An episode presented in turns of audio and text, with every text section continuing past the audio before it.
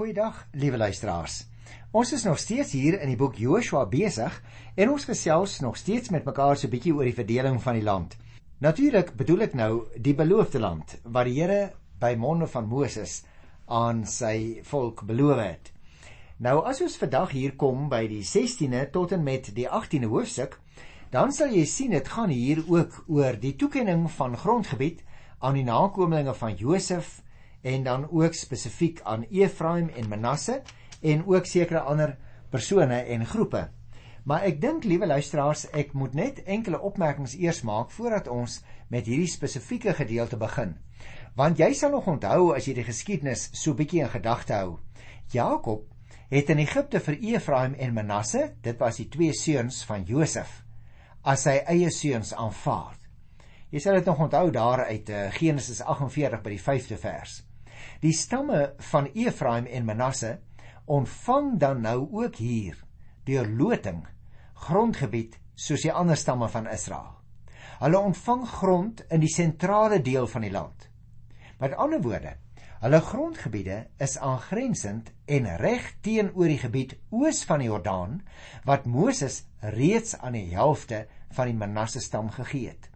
Joshua sluit weer eens ten nouste aan by die werk van Moses en hy gee aan die dogters van Selofgat die een van die gesinshoofde van Manasse wat geen seuns gehad het nie 'n plek om te bly tussen die families van die Manasse stam soos Moses reeds destyds in Numeri 27 aan hulle beloof het. Nou dit is net die breë oorsig en daarom luisteraars gaan ek uh, ook net breë lyne trek. Kom ons lees Joshua by die 16de hoofstuk die eerste 4 verse. Aan die nakommelinge van Josef is deur loting 'n gebied toegeken wat strek vanaf die Jordaan reg oorkant Jerigo oos van die Jerigo fonteine. Die grens loop van Jerigo af oor die woestyn op na Betel se berge toe. En dan word die uh, grens nou beskryf hoe dat hy loop. Ek wil dit nou nie vir jou lees nie. Jy kan maar in die Bybel self gaan kyk as jy dit wil lees want sommige van die plekke wat vermeld word, weet ons nie meer presies waar dit was nie. Wat wel interessant is, Efraim en die halwe stam van Manasse is hier te sprake. En die eenheid van die twee stamme word nou bewaar deur die gebied wat aan hulle toegeken word as een streek te behandel. Die suidelike grens moet jy wel oplet. Dit word beskryf as uh dat dit loop van die Jordaan af reg oor Jerigo weswaarts oor Betel en Geser na die Middellandse See toe tot by Joppe. Nou dit is soos vir ons maklik om daai streep te kon trek op die landkaart. En jy kan gerus op die kaarte wat die Bybel uh, is, sommige Bybels het landkaarte, dan sal jy hierdie grens, uh, die gebied van die nakomeling van Josef, sal jy baie duidelik getrek sien, want die plekke wat genoem word daar is vandag nog vir ons bekend. Dan kom ons by die stamgebied van Efraim, Joshua, Hoofstuk 16 van vers 5 tot 9. Ek gaan ook net begin lees. Die grens van die grondgebied van die families die stam van Efraim loop tot by Atrot Adar in die ooste na Bet Goron Bo. Nou, liewe luisteraars, ek wil dadelik sê, die suidelike deel van die gebied is deur Efraim en die noordelike deel deur die halwe Manasse stam bewoon. En die grens tussen hulle het noord van Silo van Jordaan af weswaarts na die Middellandse See toe geloop. Omdat Efraim se gebied betreklik klein was, het hulle ook stede en buiteposte gehad. Maar al hierdie plekke wat nou hier genoem word, uh is nie altyd vir ons presies duidelik nie. Daarom uh kan jy dit self gaan lees. Gelukkig is so 16 baie kort en dit bring my by Joshua die 17de hoofstuk. Kom ek begin by die eerste 2 verse. Daar is ook aan die stam Manasse 'n gebied deur loting toegeken. Manasse was Josef se oudste seun. En die toekenning is gemaak aan Manasse se oudste seun, Maker, die voorvader van Gilead. Hy is 'n kruisman en het Gilead en Basan ontvang. En dan word daar nog ander name en plekke genoem. Jy sien dit lyk vir my wat ons uit die eerste 2 verse by Joshua 17 moet leer is dit: die een helfte van die stam Manasse wat in die Oos-Jordaan gaan woon het, het die streke Gilead en Basan ontvang nadat hulle dit van die Amorite verower het. Nou wil ek net sê, jy sal spesifiek van die gebied Basan weer lees in die boek Amos. Maar Amos was eers hier so 750 voor Christus opgetree. Dit wil sê hele paar honderd jaar na hierdie geskiedenis. En dan later in die geskiedenis was Basan bekend as 'n baie goeie veeteelgebied waar baie goeie uh beeste byvoorbeeld geteel is. Vers 3 tot by vers 6 kry ons dan nou daardie verhaal weer van Selofgat. Jy onthou dit en dit is my interessante mededeling wat ons ook weer hier kry oor die dogters van Selofgat. Hy het naamlik geen seuns gehad nie. Jy onthou daardie verhaal uit Numeri 26 daar van die 33ste vers af. En jy sal onthou ons het daar behandel toe die erfreg van sy vyf dogters te sprake gebring is lank voor die verowering van die beloofde land nog het God alreeds aan Moses opdrag gegee om ook aan hulle grond te gee in die gebied van Manasse. En is hulle soos die manlike nageslag van Manasse behandel. Die Here het naamlik spesifiek daardie opdrag gegee in Numeri 27 vers 7. Wanneer die dogters nou hier verskyn voor die grondtoewysingskomitee, dan beroep hulle hulle op die opdrag van Moses wat hy van die Here ontvang het. Van vers 7 tot by vers 13 word gepraat oor Manasse se gebied. En dit was natuurlik die gebied waar deur die halwe stam van Manasse wes van die Jordaan bewoon is. En dit word nie in baie duidelike terme omskryf nie. Dis my baie interessant, liewe luisteraars. Die suidelike grens is natuurlik dieselfde as Efraim se noordelike grens. In die weste is die gebied van Dan en die see wat hier genoem word is die grens en in die ooste is die grens die Jordaanrivier. In die noorde volg die grens die lyn van Betsan af. Nou Betsan sou ook later in die geskiedenis baie interessant wees want dit is waar koning Saul se kop afgekap is en teen die muur van die stad vasgeslaan is. Maar daardie interessante geskiedenis kom eers later. Dit bring my by Hosea 17 vers 14 tot 18. En daarin wil ek daarom ook net so klein bietjie aandag gee want dit is mos daarom nou vir ons van belang luisteraars dat ons van elke een se grondgebied so 'n klein stukkie sal behandel. Nou as jy self gaan lees in die 17de hoofstuk daarby vers 14 tot 18 as jy sien die nakomeling van Josef het met Joshua gaan praat. Waarom loot u vir ons net een keer en gee ons net een deel? Ons is baie mense want die Here het ons besonderlik geseën. En Joshua sê toe vir hulle: "Julle is baie. Gemaak vir julle 'n stuk bosveld skoon in die gebied van die Feresiete en die Refaite. Die Efraimsberge is te klein vir julle."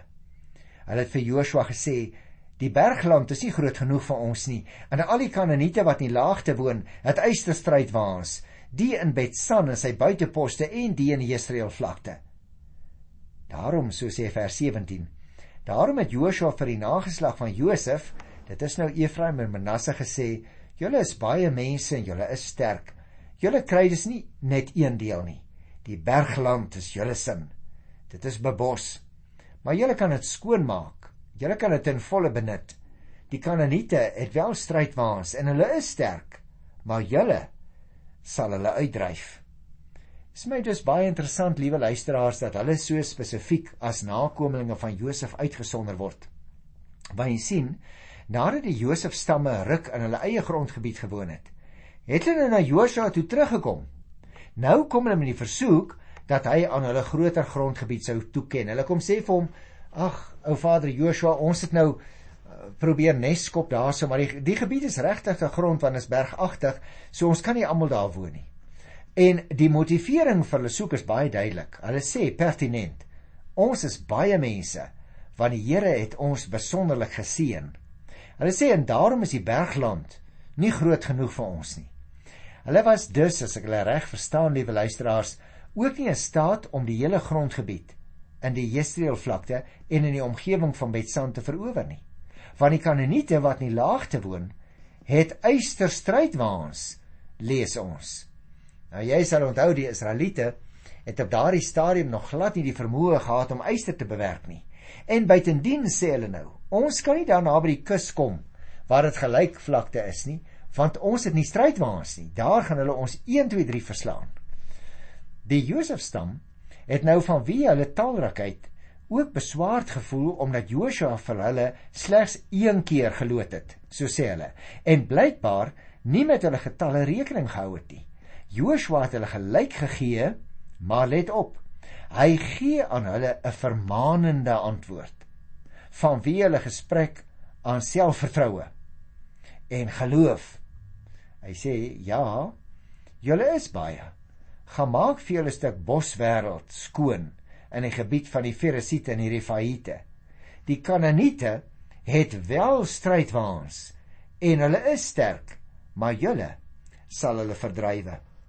Ek wil graag nog so 'n bietjie hieroor gesels luisteraars want dit is dink ek vir ons van belang om breë trekke altyd raak te sien. Jy sien die gesindheid van die nakommelinge van Josef is nie heeltemal reg nie. Dit staan eintlik in baie skerp kontras met die houding van Caleb. Caleb het die grond geneem wat God vir hom gegee het en hy was bereid om daarvoor te veg. Hy was vol vertroue dat die Here hom sou help juis om die Enakite wat daar gewoon het uit te drywe sodat hy kort voorlangs die hele grondgebied kon gebruik. Daarteenoor het die twee stamme van Josef die grootste en die vrugbaarste deel van die land ontvang. Maar hulle was nogtans bang vir die inwoners met hulle strydwaans van yster. En nou vra hulle vir nog grond. Joshua het hulle egter aangesê om eers die onbesette bosse in die bergrand te gaan skoonmaak om daar te bly. Met ander woorde, hy sê gaan werk 'n bietjie. Daar waar hy klomp bosse staan, gaan maak dit skoon, julle kan daar woon. En ons moet ook opmerk dink ek, die Josef stamme kon nie daaraan slaag om die Kanaaniete uit hulle gebied te verdrywe nie. Dus teenoor Caleb wat die Here getrou gevolg het en wat suksesvol was om die blyplek wat die Here aan hom gegee het te verower, was die Josef stamme met hulle onvergenoegdheid en hulle onbereidwilligheid nie in staat tot oorwinning nie. En ek dink dit is baie belangrik dat ons dit sal raak sien, luisteraars, want ek wil vir jou 'n vraag vra.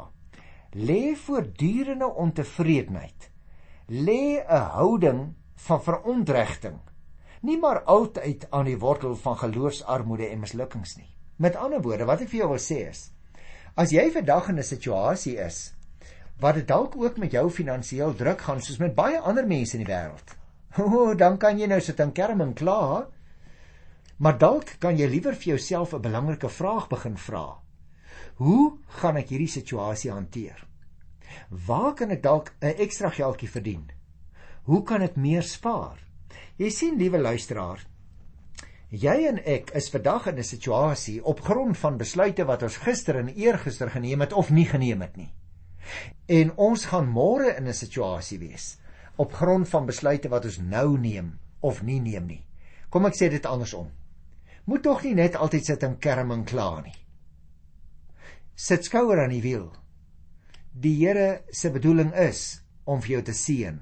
Jy is mos sy kind maar jy en ek moet ook ons kant bring hoor. Kom ons kyk so 'n bietjie na die 18de hoofstuk hier in die boek Joshua. Ek dink dit is belangrik dat ons hierdie hoofstuk so bietjie meer sal bekyk as die voriges wat ek nou vinniger deurgegaan het. Ek begin by die eerste vers want ek dink dit is vir ons van belang. Die hele Israelitiese volksvergadering het in Silo saamgekom en die tent van ontmoeting daar opgeslaan. Die land was nou onderwerp. Maar daar was nog sewe van Israelitiese stamme wat nie hulle eie grondgebied ontvang het nie. Joshua het vir die Israeliete gesê: "Hoe lank gaan julle nog talm voordat julle die land in besit gaan neem wat die Here julle God van julle voorvaders aan julle gegee het? Bring 3 man uit elke stam dat ek hulle kan stuur en dat hulle die res van die land kan deurgaan." En 'n beskrywing kan maak van die verskillende dele en dit vir my bring. Hulle moet die grondgebied in 7 dele verdeel. Juda behou sy gebied in die suide en die nageslag van Josef hulle sin is in die noorde. Nou van hierdie eerste klompie verse, die hele 10 verse, dink ek is dit belangrik dat jy en ek die volgende sal opmerk, liewe luisteraars. Terwyl die Israeliete se kamp by Gilgal was, het Joshua deur loting die stamgebiede van Juda en Efraim en die ander helfte van die stam van Manasse bepaal. En daardie gebiede is nou in besit geneem en het onder die beheer van Israel gekom. Die Israeliete verskuif nou daardie verowerde gebiede van Manasse en hulle gaan slaan kamp op by Silo. Hulle slaan die tent van ontmoeting het ons gelees met die Here daarop. En Silo word nou die administratiewe en godsdienstsentrum van Israel. Jy moet nou onthou op daai stadium was ons nou nie 'n tempel nie. So nou slaan hulle die verbondsark op daar by Silo. Soos Moses destyds van die Paran woestyn af mense uitgestuur het om die land te gaan verken, so stuur Joshua nou hier van Silo af ook weer mense uit. 21 man om die waarheid te sê. 3 vir elkeen van die sewe stamme wat nog die grondgebied ontvang het nie om die land te gaan bekyk en om dan aan hom te kom verslag doen. Nou hy was baie geoefend in hierdie dinge want jy sal onthou hy was een van die 12 oorspronklike verspieders wat uitgestuur is om die hele beloofde land te gaan verken. Nou het 5 stamme al grondgebied en nou stuur hy 3 van elkeen van die sewe ander stamme af uit van Silo af waar die verbondsark nou opgeslaan is. Maar let nou op. Hy wys die volk daarop dat die ander 5 stamme gehoorsaam was aan God en die plek in besit gaan neem het wat hy aan hulle gegee het.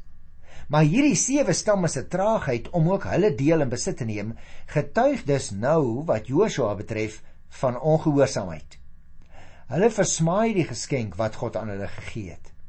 Elkeen wat die genadegawes van God in onbruik laat lê, is in werklikheid ongehoorsaamheid aan die Here.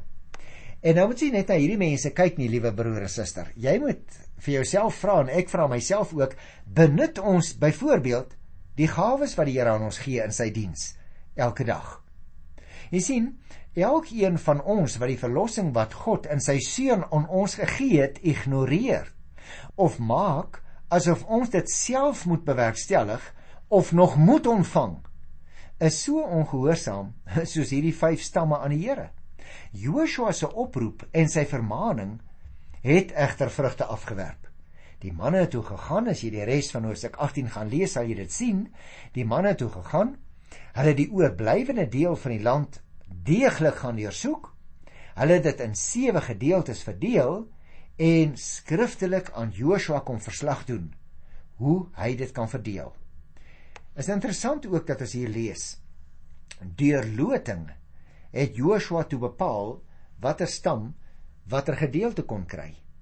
En hierdie loting kon moontlik gebeur het deur die name van die stamme in een houer te gooi en die afbakening van die grond in 'n ander. Die stam wie se naam uit die een kruik gehaal is, dit sou die grondgebied wat net daarna uit die ander kruik getrek is, ontvang. Die bedoeling was dus dat die loting God se beslissing sou aandui. Let op, liewe luisteraar.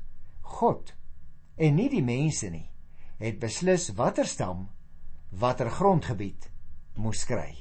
Dit was dus baie belangrik dat hierdie mense sal besef hulle ontvang as dit ware hulle grond uit die hand van die Here self. En daarom ten slotte enkele opmerkings hierso vir die 18de hoofstuk. Die verdeling van hierdie oorblywende grondgebied onder die sewe stamme het by die ingang van die tent van ontmoeting plaasgevind. Hoekom wil ek dit vir jou uitwys? Omdat dit dus as dit ware direk in die teenwoordigheid van die Here was. Daarom het ek nou nou ook vir jou onderstreep want die Bybelskrywer wil dit doen om vir ons sê hulle ontvang hulle grondgebied uit die hand van die Here. Andersom gesê, God het self besluit watter deel elke stam sou ontvang en hy het sy besluit te kenne gegee deur die manier waarop die lot vir elke stam geval het. Elke stam moes naamlik die gebied as die erfenis wat die Here vir hom gee beskou. Die verdeling van die gebied wes van die Jordaanrivier sal jy nog onthou het begin toe Caleb die stad Hebron as sy eie ontvang het daar in Joshua 14 van die 6de vers af. Daarna het die stamme Juda, Efraim, die oorblywende halwe stam van Manasse, hulle gedeeltes ontvang. Dit het gestrek van Osek 15 vers 1 tot 17 vers 18 en daarna wat ons dan nou vandag behandel het, uh, Osek 18 vers 1 wat eintlik voortgaan tot nog hoofstuk 19 tot 48 die ander sewe stamme het by Silo hulle grondgebied ontvang. Nou goed luisteraars, kom ons kyk dan na die laaste paar verse in die 18de hoofstuk. Die stamgebied van Benjamin. Vers 11 sê: Aan die families in die stam Benjamin is deur loting 'n gebied toegeken tussen die van Josef en Juda. Aan die noorde kant begin hulle grens by Jordaan en dit loop dan op teen die hang noord van Jerigo teen die berge uit weswaarts en dan loop dit tot teen die woestyn by Bet Aven. Nou ek gaan die res van die beskrywing nou nie vir jou lees nie, maar ek wil oor die saak praat, liewe luisteraars, want dit gaan hier oor die stam Benjamin se grondgebied. Jy sal nog onthou uit die geskiedenis van ou vader Jakob wat ons behandel het in die boek Genesis. Benjamin was sy jongste seun. En die ou vader wou nie graag vir Benjamin na Egipte land toe te laat gaan nie. Maar nou het ons hier As ons nou terugkyk op die geskiedenis en ek dink die mense wat uit hom voortgekom het, die wonderlike verhaal van hoe dit hulle ook uiteindelik nou hulle eie stukkie grond sou kry. Die gebied wat aan die stam van Benjamin toegeken is, het ons nou net gelees, het tussen die van Juda en Josef gelê. Dis my baie interessant. Die oostelike grens was die Dooie See en die westelike grens het 'n lyn tussen Bet Goron onder en Kirjat Jearim gevolg. Die suidelike grens is dieselfde as die noordelike grens van Juda. Want ons het gekyk waar lê Juda se grens in Hosea 15 vers 5 tot 11, naamlik tussen Kirjat Jearim en die Dooie See.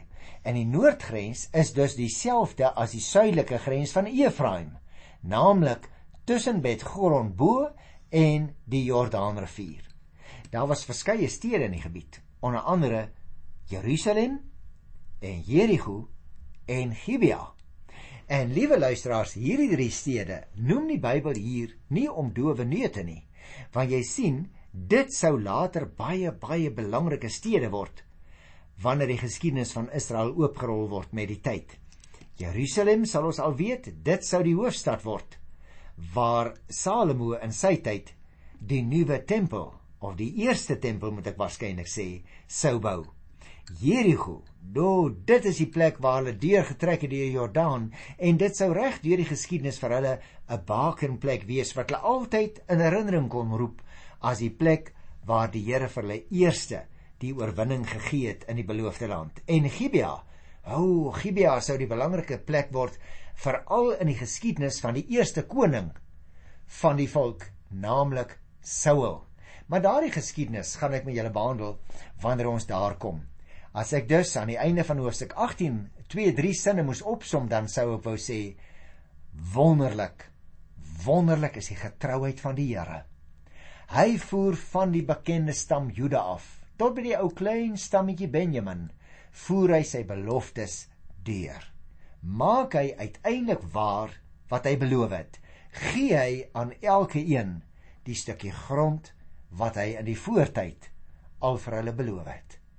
Wonderlike God, die een in wie jy en ek glo.